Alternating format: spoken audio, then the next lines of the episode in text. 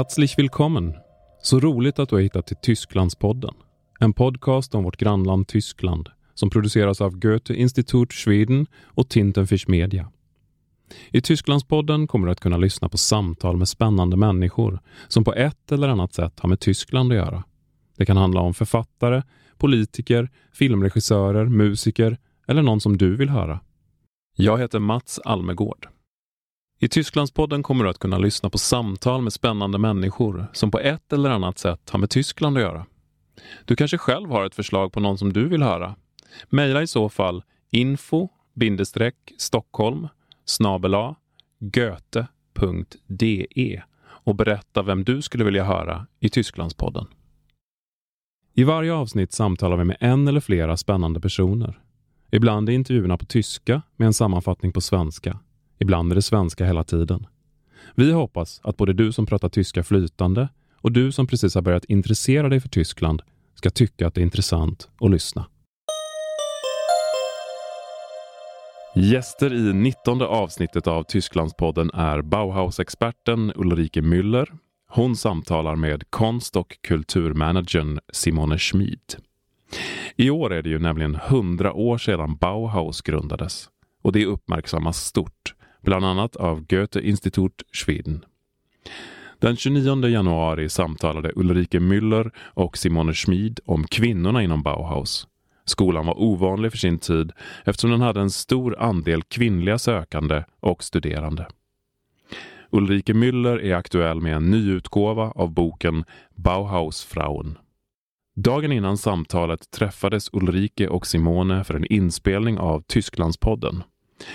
Så jag lämnar ordet och mikrofonen till Simone Schmid, men jag återkommer för korta sammanfattningar på svenska.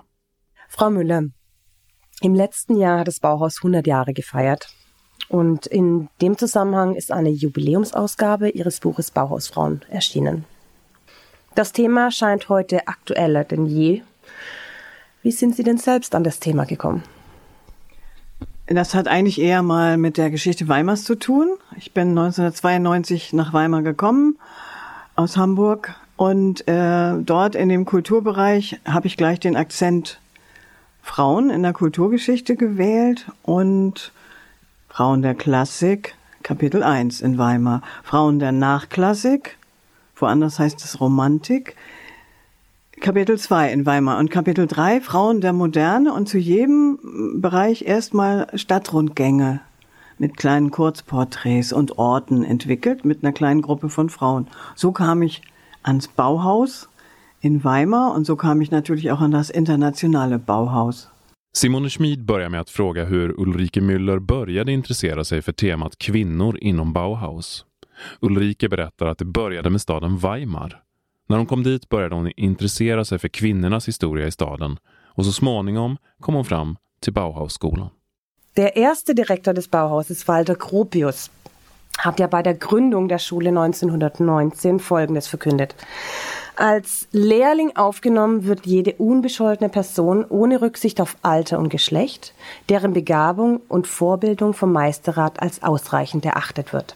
Das scheint uns ja heute ganz selbstverständlich, war aber damals eine einschneidende Veränderung, da ja zuvor Frauen der Zugang zu Universitäten und Kunstausbildung einfach verwehrt war. Wie kommt es, dass diese Veränderungen zu Beginn der Weimarer Republik ausgerechnet in am Bauhaus eingeführt werden. Sie haben ja die, Sie sagten, die Geschichte von Weimar und die Frauengeschichte verfolgt. Gibt es da eine Tradition, die dann dazu geführt hat, dass ausgerechnet das Bauhaus da diese Veränderung initiiert hat? Das ist eine vielschichtige Angelegenheit. Also es gibt verschiedene Zugänge äh, zu Weimar. Einmal gibt es Henry van der Velde, der Anfang des 20. Jahrhunderts nach Weimar kam dort eine Kunstgewerbeschule gegründet hat, die von der Akademie zu der Zeit sicherlich konkurrierend aufgefasst wurde und der im Ersten Weltkrieg dann vertrieben wurde von den Weimarern und ähm, als seinen Nachfolger Walter Gropius vorgeschlagen hat.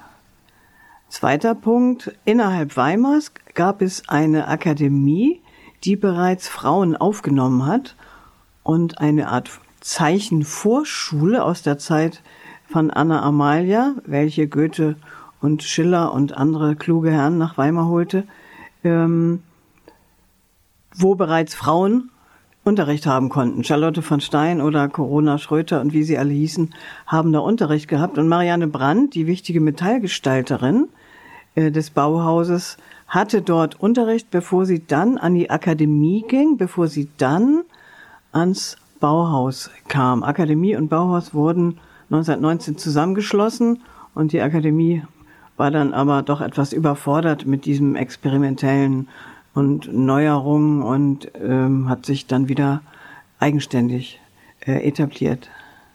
Also zweiter Punkt.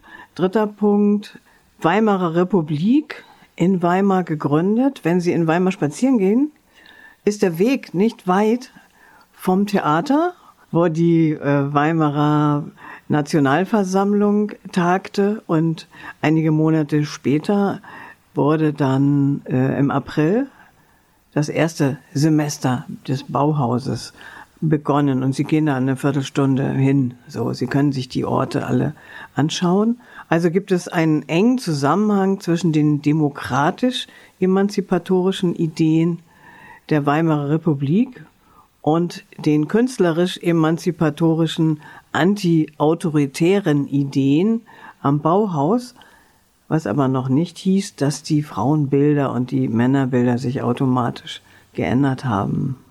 Walter Gropius grundade Bauhausskolan och betonade att alla elever, även kvinnor, hade tillgång. Vilket var väldigt nytt för sin tid, säger Simone Schmid och undrar hur det kom sig. Ulrike svarar att det är en komplex fråga, men att det fanns föregångare inom konsthantverk redan. I Weimar fanns det även en akademi som redan hade kvinnliga elever. Det fanns också ett samband mellan de demokratiska strävandena i Weimarrepubliken och konstutbildningarna. Die Nationalversammlung im Januar in diese werden, dieser werden zum ersten Mal Frauen auch als Abgeordnete ins deutsche Parlament gewählt. Die Frauen haben auch das Wahlrecht erhalten. Es ist also, wir befinden uns ja tatsächlich an einem historischen Moment in der Geschichte der Emanzipation von Frauen. Das waren ja, es war eine Bewegung, ähm, die einen langen Weg schon hinter sich äh, gebracht hatte, der teils sehr theoretisch auch war. Wie sah das denn in der Praxis aus? Hat man denn diese Veränderungen, die diskutiert wurden, auch wirklich im Alltag wahrgenommen in der Gesellschaft? Also ich fange noch mal kurz bei den Voraussetzungen für diese Frage an.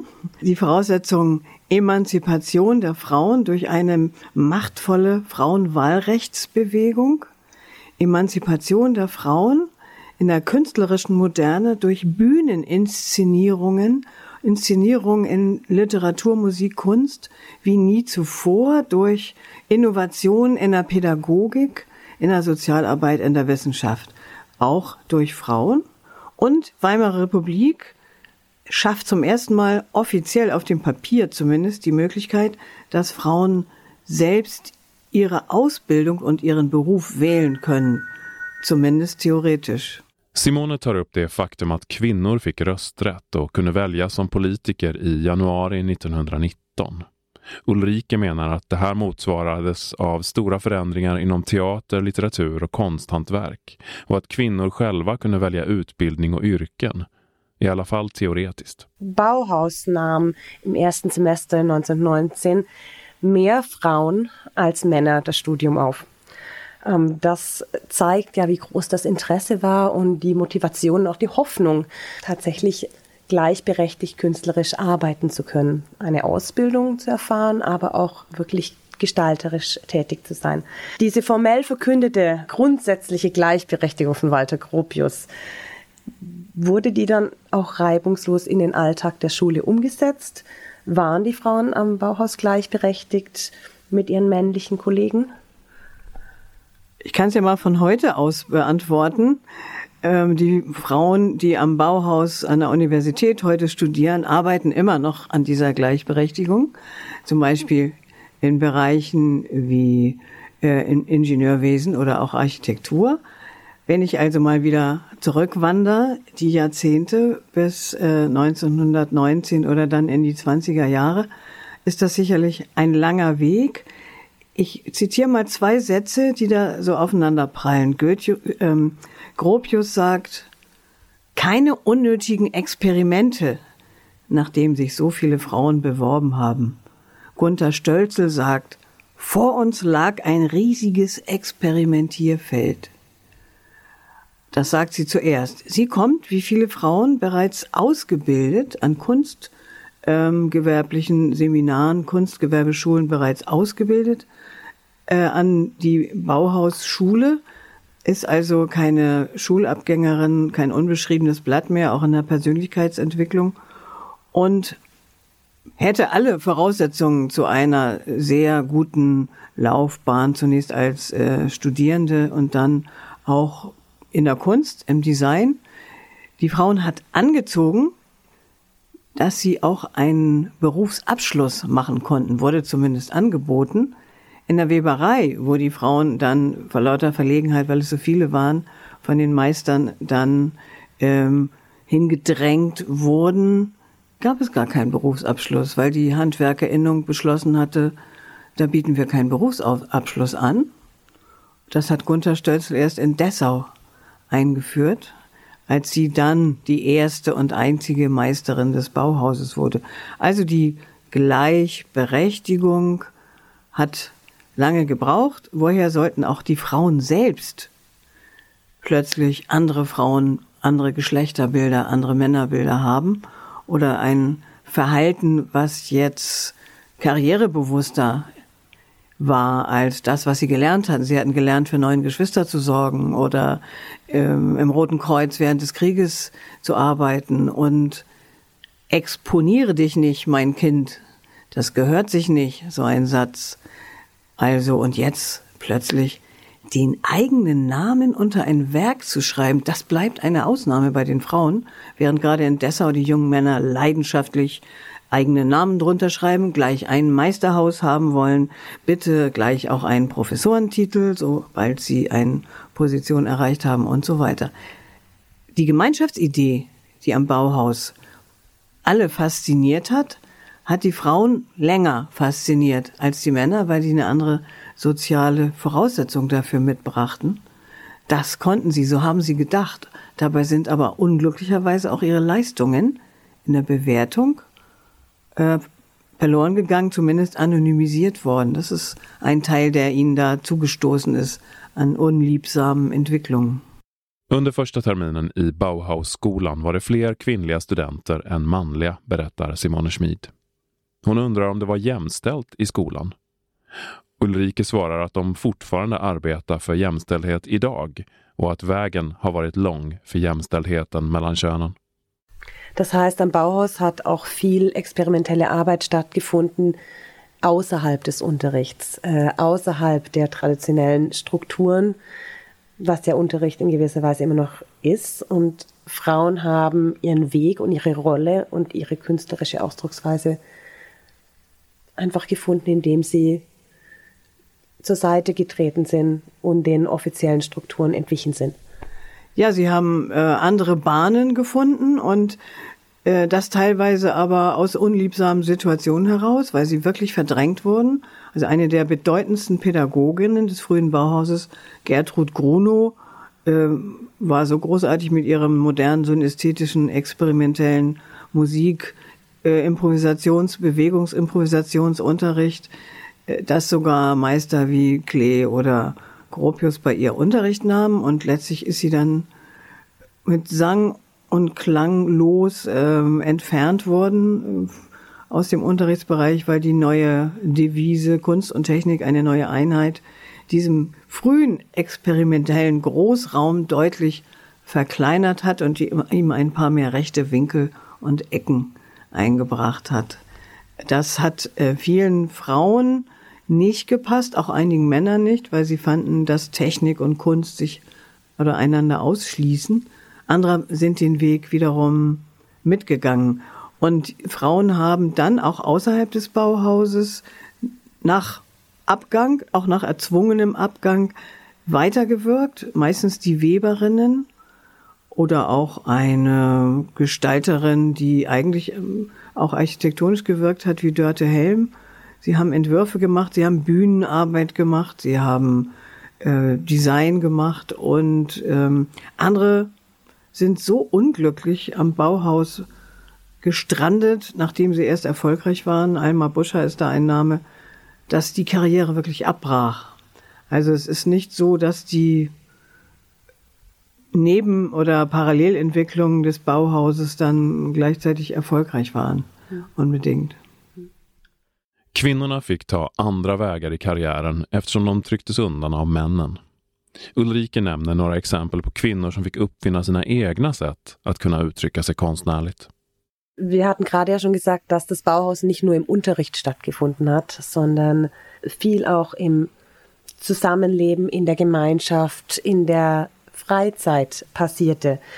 Was haben denn die Frauen für das Bauhaus bedeutet? Also nicht nur in künstlerischer Hinsicht, sondern auch in sozialer Hinsicht.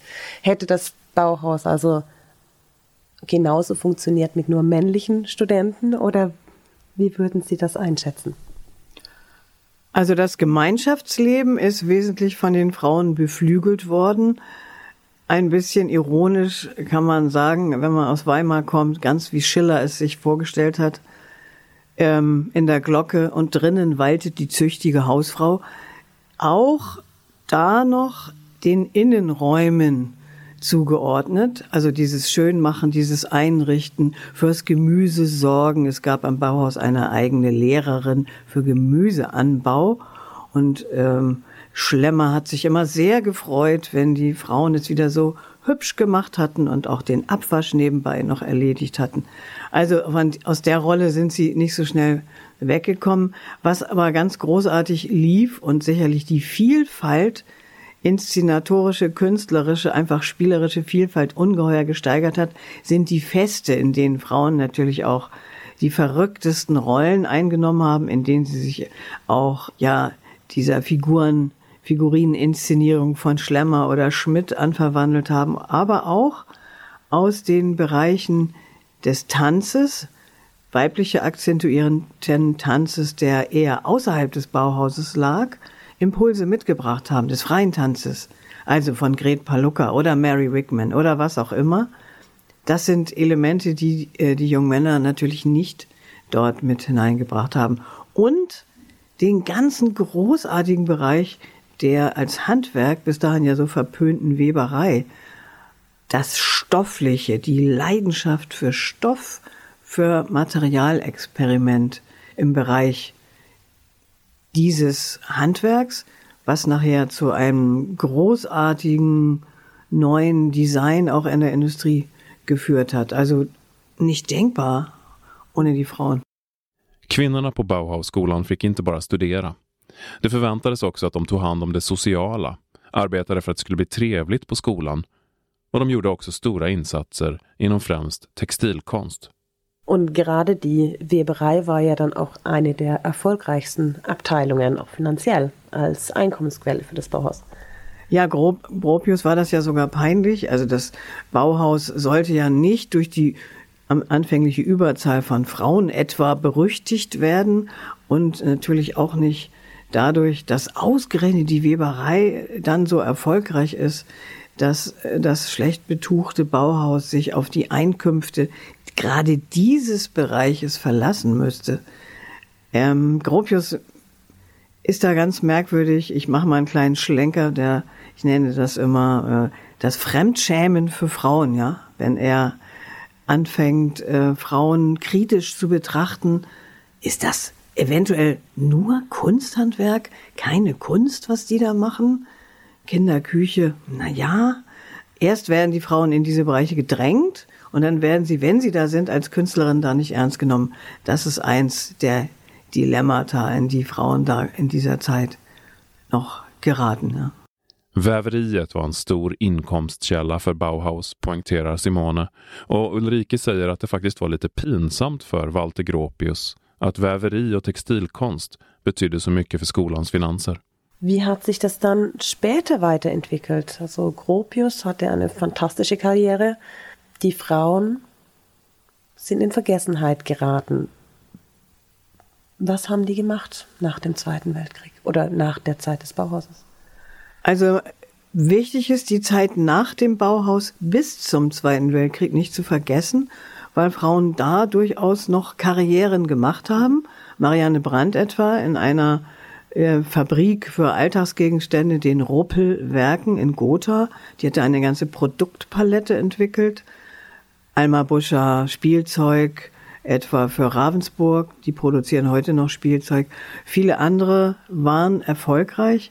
Und dann, es gab überdurchschnittlich viele jüdische Studierende, vor allem bei den Frauen. Und äh, dann sind sie in den Strudel der nationalsozialistischen Verfolgung geraten und äh, in die Emigration gegangen, wenn es denn klappte, oder auch äh, ja ermordet worden, etwa wie Otti Berger oder Friedel Dicker und eine ganze Reihe anderer Frauen, Männer natürlich auch. Und wenn sie es geschafft hatten, in die Immigration zu gehen, ist die Karriere partiell abgebrochen oder sie haben mehr entwickeln und experimentieren können, als vielleicht sogar in Deutschland je möglich gewesen wäre. Annie Albers ist so ein Beispiel in den USA oder Margaret Friedländer, die ja ganz besondere Entwicklungen genommen haben dann in den USA oder andere in sogar in Afrika oder in Südamerika.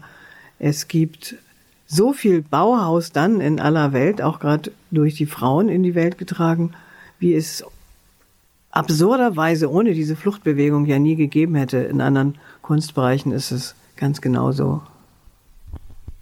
Ja, das Bauhaus hat wahrscheinlich davon profitiert, ähm, durch diese Internationalisierung, sowohl auf der männlichen als auf der weiblichen Seite. Ich würde noch mal weitermachen äh, mit der Beantwortung der Frage nach dem Zweiten Weltkrieg.